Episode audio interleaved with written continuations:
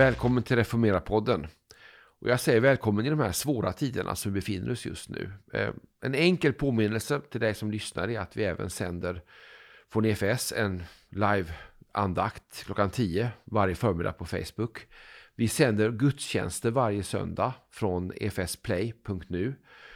Och vi gör vad vi kan för att hjälpa dig i din isolation eller självkarantän eller var du nu befinner dig. Um, inte minst vill jag bjuda på budbäraren. Gå in på budbäraren.nu och så bjuder jag på ett ettårs prenumeration. Men med mig har också Magnus här idag. Ja, här sitter jag vid andra micken. I dessa tider, ja. då man försöker att eh, hålla fokus på vad är det Gud gör just nu? Och många ställer ju frågan, varför sker detta nu? Var är Gud i allt detta?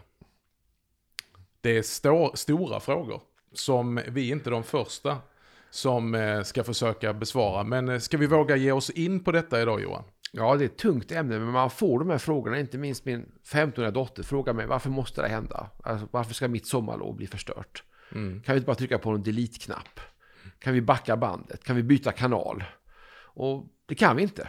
Här är vi mitt i en verklighet som vi inte har valt och som vi inte vill ha. Det är onekligen så att vi alla till mans prövas nu var vi har vår trygghet och säkerhet någonstans. Jag tänker på det här bibelordet som måste tillhöra en av de mest citerade bibelorden som vi kan möta på sociala medier och som vi slänger hit och dit. Sök först Guds rike och hans rättfärdighet så ska ni få allt det andra. Det här är verkligen en tid eh, som både avslöjar vad det är vi söker först och kanske påminner oss att det här är hög tid. Att söka Gud och hans rike och hans rättfärdighet. Det här är en avslöjande tid tänker jag. Vi ska kanske inte prata om dom här nu, men, men det blir lite att man faktiskt, det som finns inom en kommer fram. Det bästa och det sämsta hos människan visar sig i de här tiderna. Mm. Och jag tänker att det, och det gäller både troende och icke-troende här. Men jag tänker att vi som söker vår hjälp hos Herren, vi som sträcker oss ut och har en förväntan, vi vandrar också i den högste skugga. Och det förändrar spelplanen lite grann. Men alltså, inte fullständigt. Nej, men jag tänker att det är det här att vi är så otroligt vana och bortskämda av att vi har kontrollen över våra liv. Vi gör en planering och eh, vi försöker skapa och forma de liv vi vill ha, helt naturligt. Eh, vi är bortskämda med möjligheten att skapa det goda livet efter vårt eget tycke och ha frihet att göra precis vad vi vill. Och så helt plötsligt så tappar vi den kontrollen. Som faktiskt är en god och hälsosam påminnelse om att vi är begränsade som varelser. Alltså. Jag vet inte, det är många olika känslor som kommer till en, men en av de känslorna som blir så tydlig för en, det är hur begränsade vi är i ett sånt här läge. Ja, och att vi väljer inte vår egen verklighet. Jag tror att vi har vant oss att kunna definiera, köpa nya kök, Eh, köpa köpa ny bil, konsumera oss ur situationer där vi alltid är i kontroll och vi väljer vår verklighet. Men plötsligt kommer verkligheten och, och säger, du kan inte välja. Ja, och så har vi en, en, en tidsanda och den, den har väl alltid funnits och det är helt naturligt att vi har hyllat det bekymmersfria och bekvämliga livet. Det är det som premieras och lyfts fram som det, den goda visionen av det goda livet. Liksom. Du ska inte ha några bekymmer, du ska vara helt eh, bekymmersfri. Mm. Jag tänker också att man förklarar det här för sin omgivning. Jag, Eh, nu ska jag prata om Bibeln och teologi, men jag hittar faktiskt ett citat från Tolkien här i, i Sagan om ringen-böckerna när Bilbo pratar med, med Gandalf. Och jag tog det här för min dotter för att jag måste förklara för henne hur man ska tänka. Och det tycker jag tydligen är ganska bra. Jag ska läsa på engelska först. Um, I wish it need not to happen in my time, said Frodo. So do I, said Gandalf. And so, and so do all who live in to see such times. But that is not for them to decide. All we have to decide is what to do with the time that is given us. Och I enkel översättning säger Froda att han vill inte att leva i en tid när sådana här saker händer. Och Gandalf säger det vill inte jag heller. Ingen vill det. Ingen vill leva i svåra tider. Men det är inte för oss att avgöra. Allt vi kan avgöra är vad vi gör med den tid som är oss given. Mm. Jag tror att det här gör någonting med vår gudsbild. För jag tror att eh, man brukar tala om att Gud är verksam. Alltså när Gud skapade jorden så var det inte som att han drog upp en klocka som sen tickar på av sig själv och sen är Gud frånvarande. Utan Gud uppehåller också hela skapelsen och hela världen genom att vara ständigt närvarande och ständigt verksam. Man brukar tala om att han är verksam både med sin högra hand och sin vänstra hand. Vi är väldigt upptagna med frälsningens starka hand, men så ofta så tänker vi att allt det där andra, det sköter sig själv. Men Gud är också verksam med sin vänstra hand i det som kallas för försynen. Alltså, han är den som förser oss hela tiden. Men ibland har vi tagit det så för givet så att det är först i sådana här kriser som vi måste vakna upp inför detta. Att varje gång vi drar ett andetag så är det Gud som ligger bakom det. Och då kommer vi in på det här med gudsbild och vad jag är rotad i. Och jag, ser en parallell också i det samhället. Vem väljer jag att lyssna på? Vem väljer jag att ta, skapa min verklighetsbild utifrån? Och då tänker jag att man ser samhället här nu, inte minst på sociala medier, väldigt mycket konspirationsteorier. Och mycket alternativ, men också väldigt mycket ifrågasättande av alla auktoriteter. Där plötsligt ser alla svenskar i stort sett epidemiologer just nu. Och alla har eh, stöder någon teori. Gör regeringen för mycket? Gör de för lite? Är vi för hårt hållna? Förstör vi ekonomin? Och så finns det teorier och det är kritik från höger och vänster. Och allt bottnar i att var och en här sitter och är sin egen expert. Och mitt i detta så finns det då medveten desinformation. Olika faktiskt regeringar men också sajter som sprider medvetna lögner för att egentligen förvärra läget men också uppnå egna mål. Jag tänker på det här citatet också som du, som du, som du börjar med där. Att hur, hur lever man då under den här tiden? Eh, vad ska man göra detta? Oh, det är en hemsk tid vi lever i. Och, och en god vän till Tolkien är ju C.S. Lewis. Och han skrev under brinnande krig på 40-talet, då var det ett annat hot. Då var det hotet om krig men också hotet om den stora atombomben.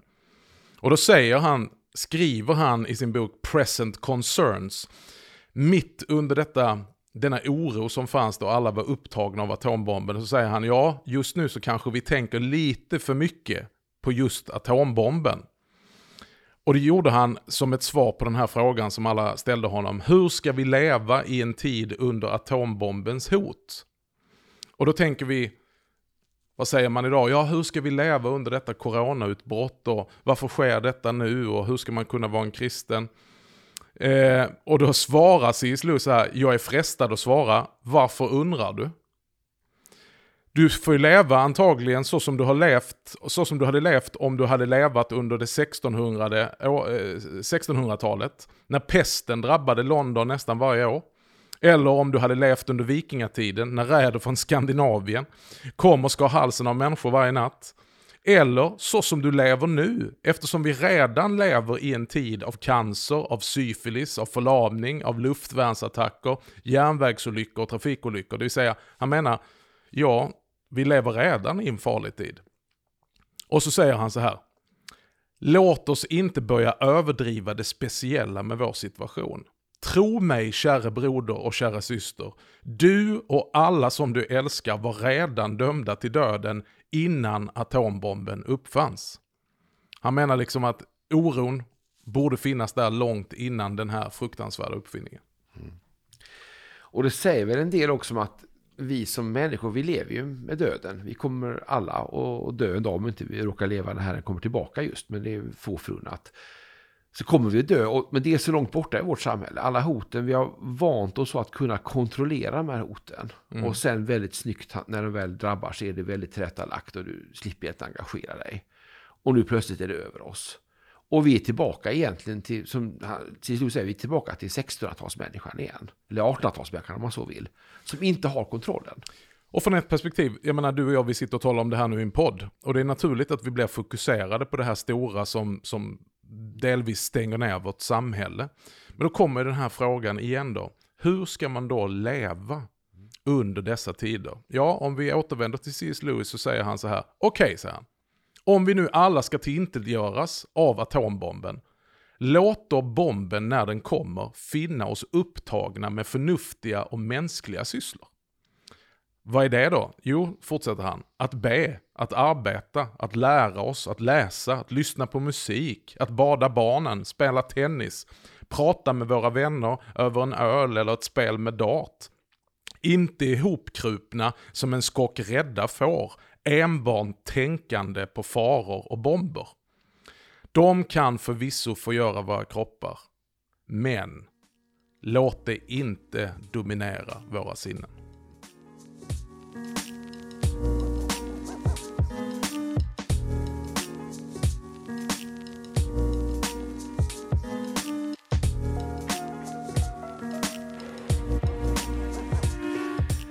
Det låter väldigt bra, men det är väldigt svårt i praktiken.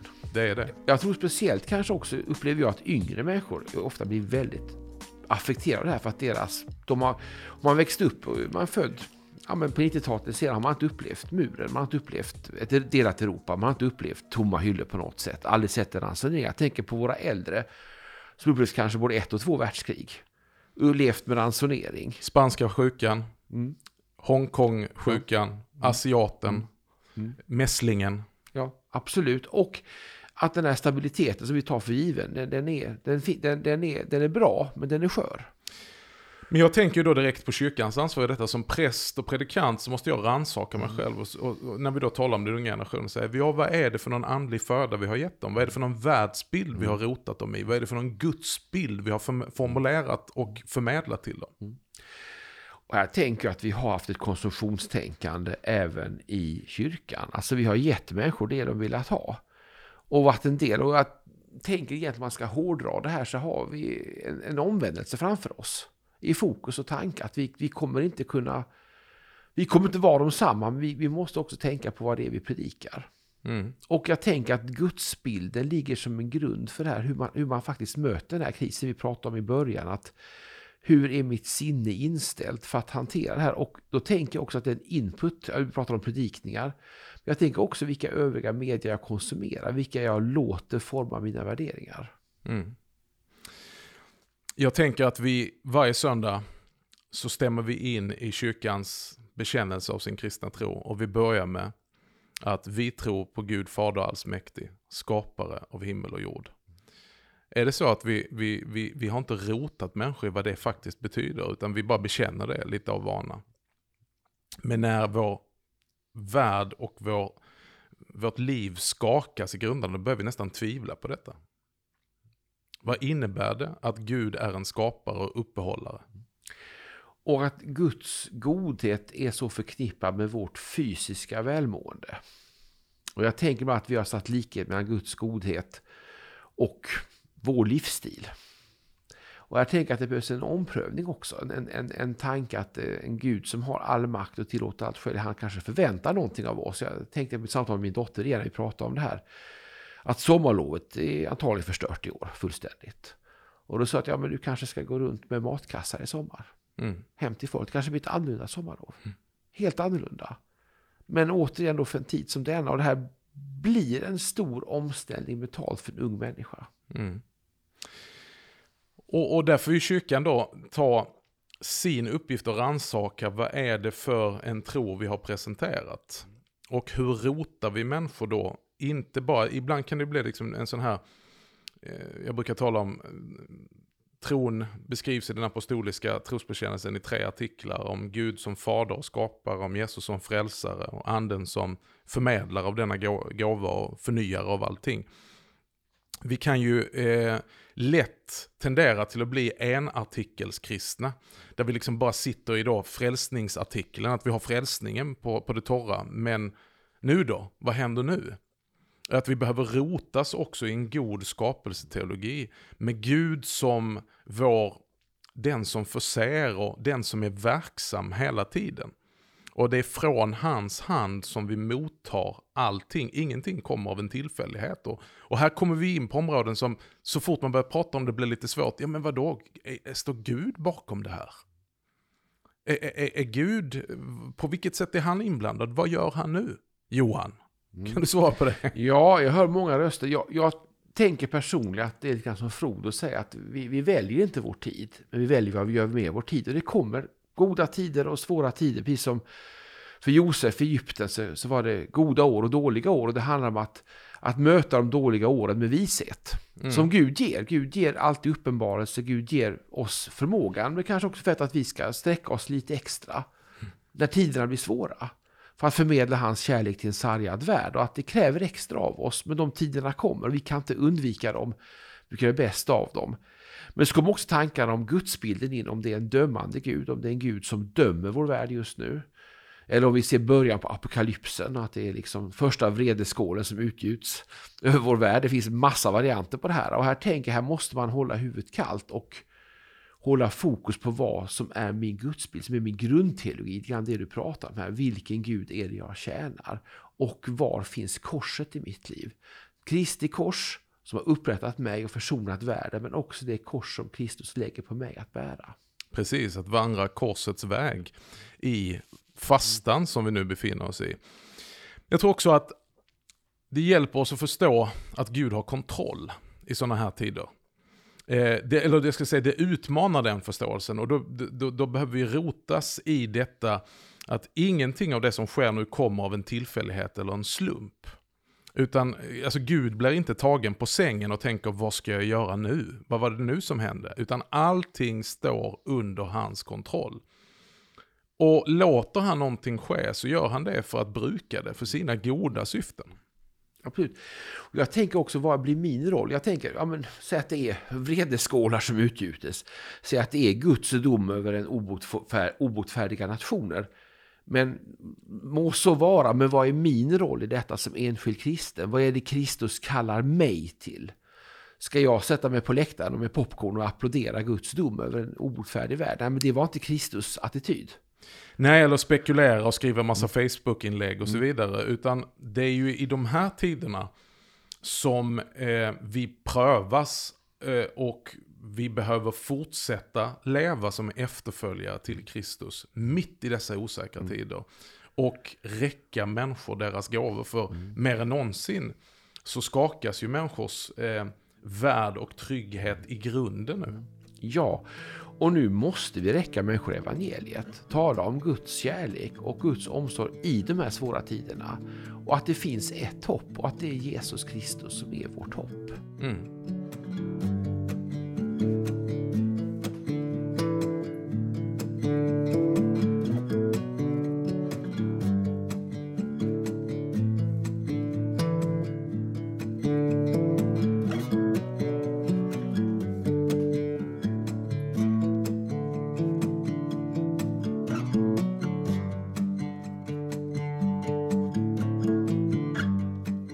Så vad ska man göra då? Vad ska man göra under de här tiderna?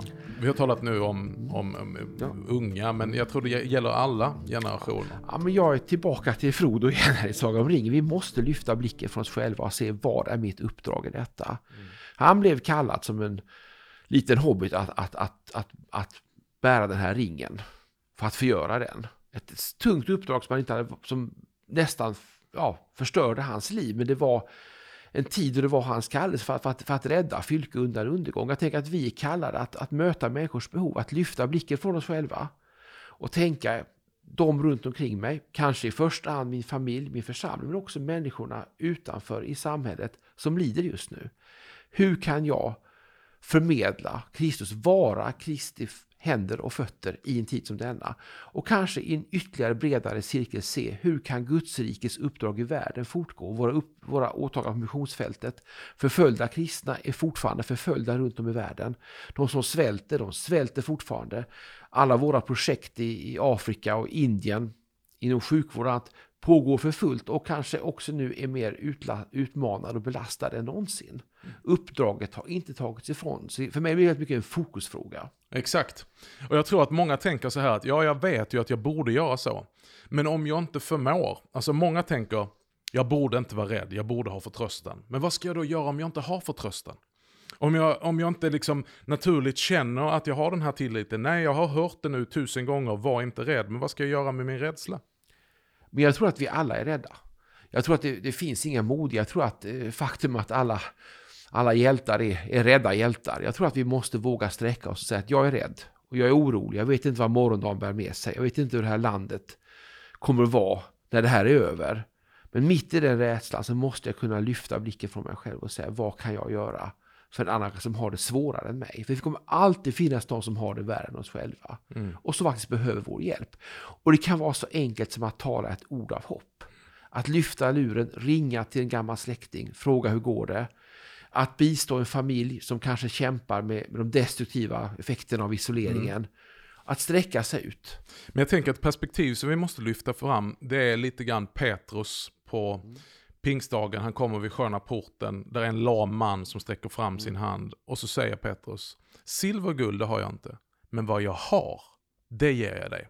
Det är svårt att ge hopp, det är svårt att ge tröst till människor om man själv inte har tagit emot hoppet, om man själv inte har blivit tröstad. Jag tänker att i den här tiden är det viktigt för oss att sätta oss under Guds ord, att få det predikat för oss, att ta tag i sina gudstjänstvanor, ta tag i sin personliga andakt, sätta sig ner med Bibeln, rota sig i en god teologi så att jag får ta emot den trösten. Alltid så är det så att det hopp vi kan ge vidare är bara det hopp vi själva har fått ta emot. Den tröst vi kan ge vidare är bara den erfarenhet av hur Gud har tröstat oss själva. Amen. Och, och då måste vi fylla på. Då måste vi finnas där för varandra. Vi måste finnas i våra gemenskaper i bön. Men också ta in. Och jag tänker på det vi sa i början, här, allt vi gör online. Jag tänker på kampanjen Älska din nästa som vi driver just nu väldigt hårt. Inte för att vi ska bli kampanjmänniskor. Men för att vi ska fylla på med en input i våra liv så att vi har att ge, att vi fyller på förråden i hjärtat.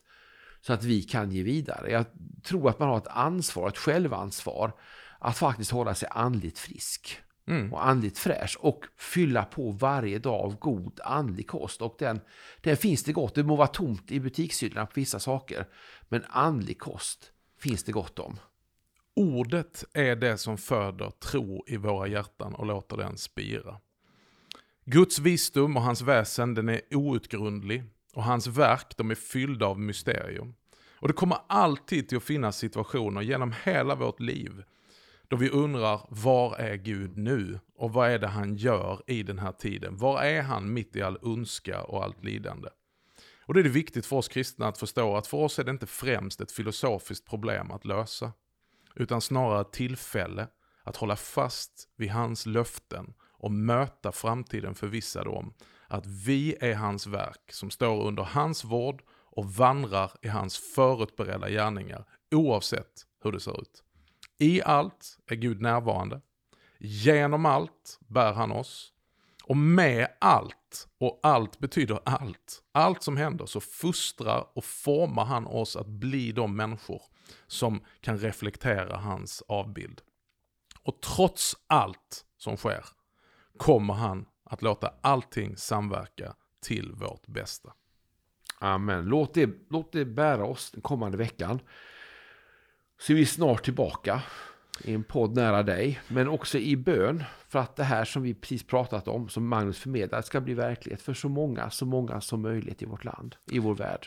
Och i den här podden så talar vi ju ofta om helkyrklighet, det vill säga vikten av att ta, ta vara på och använda oss av hela kyrkans rika arv.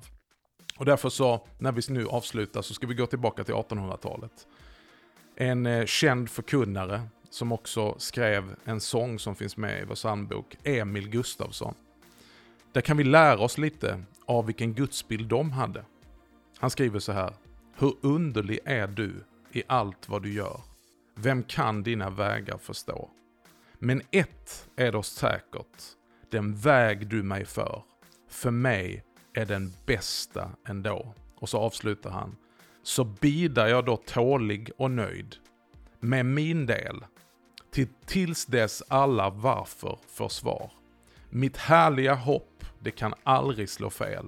Ett arv utan like jag har. En helkyrklig hälsning från broder Emil 1886. Amen. Tack för att du lyssnade. Det här var Reformera-podden. Du hittar mer om oss på www.reformera.net och jag är dålig på det här med avslutningar. Jag ska säga att det är inte min grej. Vi gör så här. Du, jag, Tre W. jag, jag, jag, jag bollar tillbaka för ett avsnitt. Ja, ja. Tack Magnus för den avslutningen och tack för att du där ute lyssnar på Reformera-podden.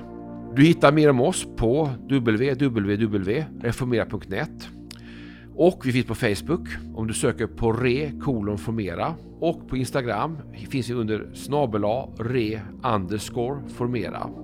Detta avsnitt har producerat av Dan Woodrow och klippare var i vanlig ordning Andreas Lundström. Reformera produceras i samarbete med FS och tidskriften Budbäraren. Guds rika välsignelse över dig under den kommande veckan.